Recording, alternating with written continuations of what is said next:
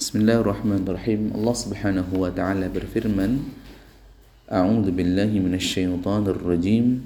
Wa idh qala rabb wa idh qala Ibrahim dan berkatalah Nabi Ibrahim alaihissalam Rabbi arini kaifa tuhyil mauta Ya Rabb Ya Rabb arini perlihatkanlah kepadaku kaifa? Bagaimana tuhyil mauta? Engkau menghidupkan yang mati. Ini ceritanya yang kita semuanya sudah tahu bahwa kisah Nabi Ibrahim ini adalah apalagi dalam fase pencarian Tuhan ya. Pencarian Tuhan dilihat ada bulan ya, malam dulu kemudian bulan. Ketika sudah bulan baru matahari beliau menyangka bahwa itu adalah Tuhannya tetapi Tuhannya kok jadi pindah jadi siang. Tuhannya kok jadi terbenam. Tuhannya kok jadi yang tadinya terang benderang matahari kemudian redup eh, Tuhan bukan seperti itu. Ya Tuhan itu adalah sesuatu yang la yamutu fiha wa la yahya misalkan. Yang tidak pernah maksudnya tidak pernah mati ya bukan tidak pernah hidup tidak pernah mati dan yang lain-lainnya maka ketika Nabi Ibrahim alaihissalam mendapatkan wahyu dari Allah Subhanahu wa taala sebagai nabi dan sebagai khalilullah ya. Jadi yang paling dicintai oleh Allah Subhanahu wa taala Nabi Ibrahim ternyata mempunyai kecenderungan dan ini adalah yang dialami oleh setiap manusia, Bu.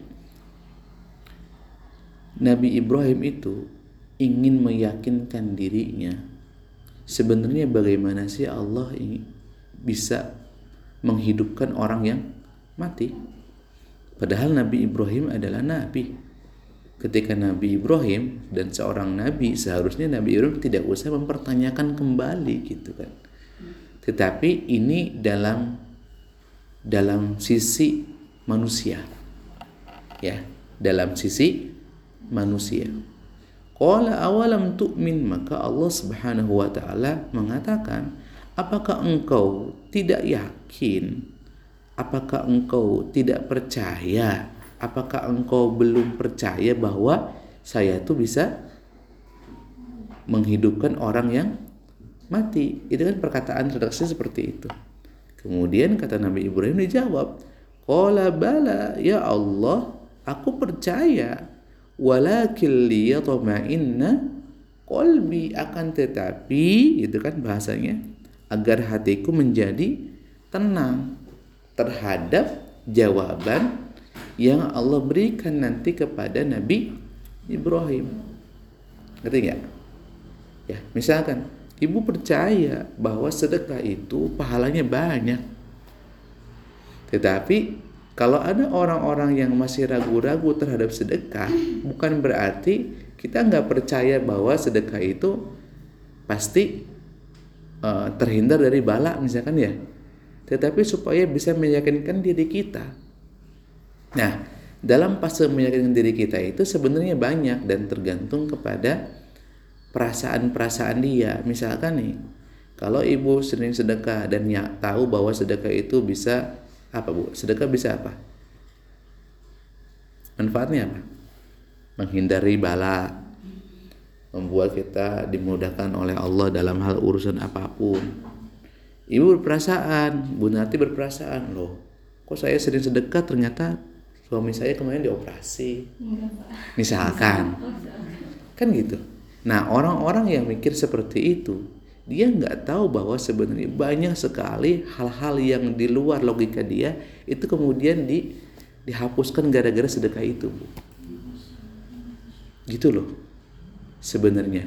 Cuman kelihatannya aja itu yang gedenya itu kemudian setan menggede-gedekan membesar-besarkan. Hmm, buktinya mana? Kok sedekah jadi gitu.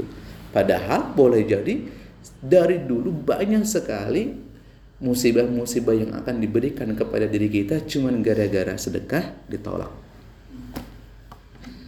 Dan ini banyak bu. Makanya kita harus husnu husnudon. Jadi berapa banyak sesuatu hal yang kita lakukan bahkan dimaafkan gara-gara sedekah kita. jadi makanya kita harus kusnudon dan harus percaya banget bahwa memang apa pun yang Allah perintahkan kepada kita itu pasti akan membuat diri kita baik. Cuman ya kita kan orangnya manusia ya jadi hanya terlihat logika saja gitu kan nah gini gini gini gini nah, sebenarnya bukan begitu. Eh contoh aja misalnya kita olahraga. Harusnya kita nggak sakit tuh tapi ada aja orang yang sering olahraga sakit. Bukan berarti jangan gara-gara seperti itu ah mendingan gak usah olahraga ngapain ngeluarin duit banyak? Kan olahraga kan juga ngeluarin modal kan gitu. Bukan begitu boleh jadi dia dikuatkan dan si mungkin tidak ada yang bisa untuk dihapuskan dosa-dosanya melainkan dengan sakit itu. Gitu dengan sakit itu pun sama. Boleh jadi masalah-masalah yang Bu Narti, Bu Eva, Bu Rom itu adalah sebagai kafarot dari dosa-dosa kita. Dari apa kita nggak tahu itu jalan jalan kita tuh makanya ihdina siratal mustaqim itu bukan jalan kita lurus. Ibu sering ngaji sering apa jalannya lurus nggak begitu. Nggak seru bu. Tapi belok belok belok belok hingga akhirnya sebenarnya banyak sekali yang Allah ampuni di antara kesalahan-kesalahan kita. Ya kemudian Nah, maka Nabi Ibrahim berkata, "Walakin liyatma'inna qalbi." Bukan begitu, saya percaya tapi saya ingin meneguhkan kedudukan saya, maksudnya meyakinkan diri saya bahwa engkau tuh benar-benar bisa menghidupkan orang yang mati. Kata Ibrahim. Kemudian akhirnya Allah mengatakan, "Qala fakhud arba'ah minat toir." Maka ambillah empat burung ini. Ya kan? Fasuruhunna ilaik. Dan kemudian cincanglah olehmu si burung ini. Berapa burung tadi?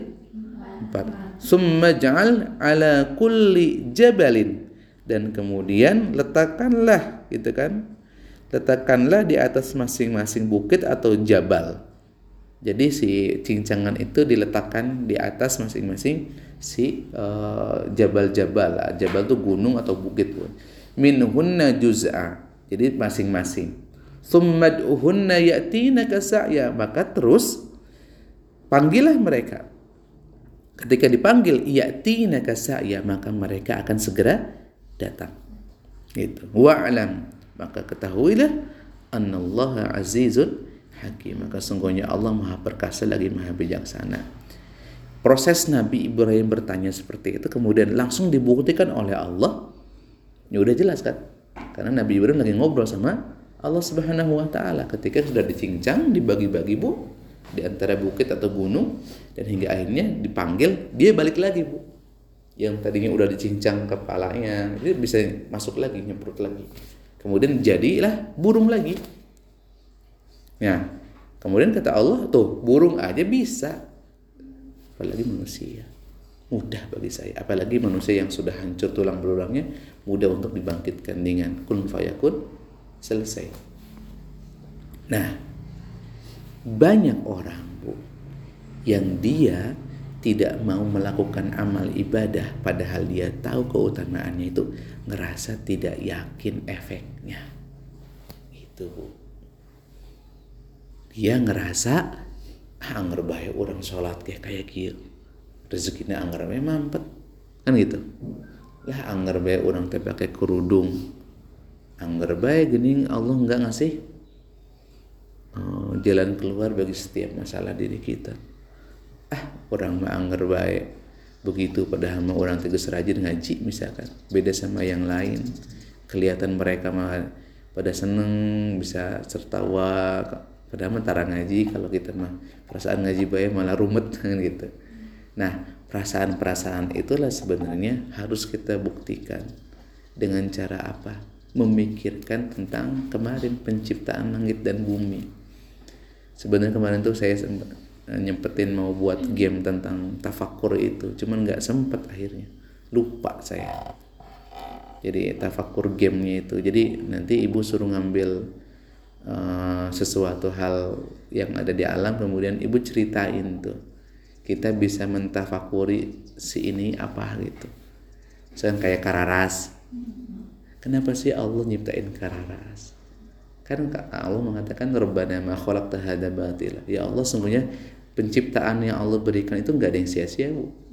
Menurut kita mungkin sia-sia. Menurut Allah enggak. Dan menurut orang-orang yang bijak itu nggak bakal sia-sia. Setan juga kan nggak sia-sia kan? Buat nguji kita kan termasuk apa pun apa pun yang ada di alam ini sebenarnya berguna buat kita.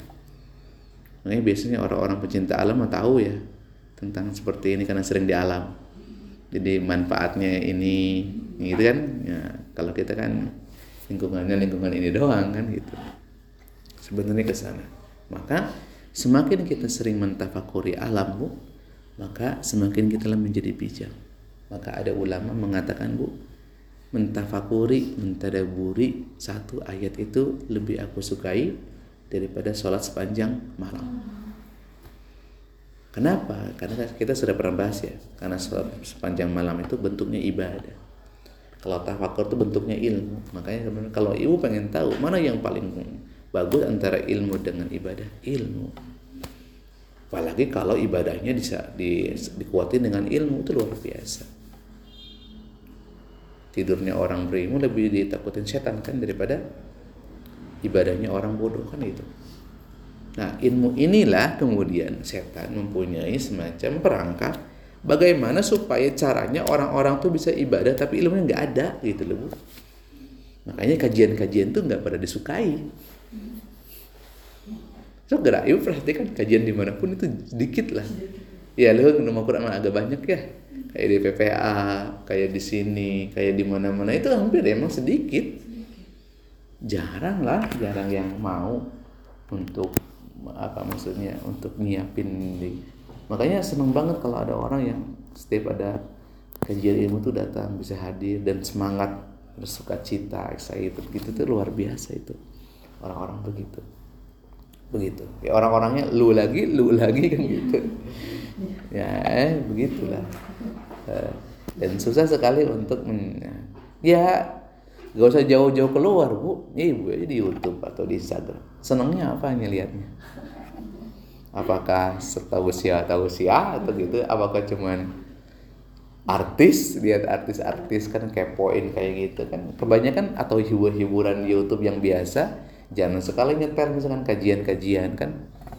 Apalagi begitu kan? Jauh jangan jauh-jauh kita harus keluar ya. Yang ada di genggaman HP kita juga kadang mah kita senangnya begitu.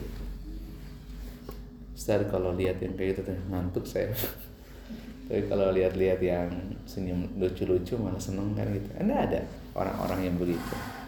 Jadi ibu-ibu di ayat ini Allah tegaskan kembali kepada kita bahwa kita manusia Nabi Ibrahim pun manusia. Walaupun beliau nabi tapi Nabi Ibrahim punya sisi manusia. Sisi manusianya adalah ingin dibuktikan apakah benar yang dilakukan sama Allah atau yang dilakukan sama orang lain itu adalah terbukti. Tetapi kadang kalau hati kita nggak bersih bu hati kita nggak bijak itu kita sulit membuktikan hasil dari ibadah-ibadah kita sedangkan kita udah tahu kan pernah tafsir di Al-Zalzalah kan jadi setiap amal kita itu tidak bisa dibuktikan tidak bisa dibalas oleh Allah langsung di dunia kan Kadang kita bilang di al-tafsir itu justru Allah akan membalas kebaikan kita hanya di akhirat. Adapun dibalas di dunia itu hanya bonus saja.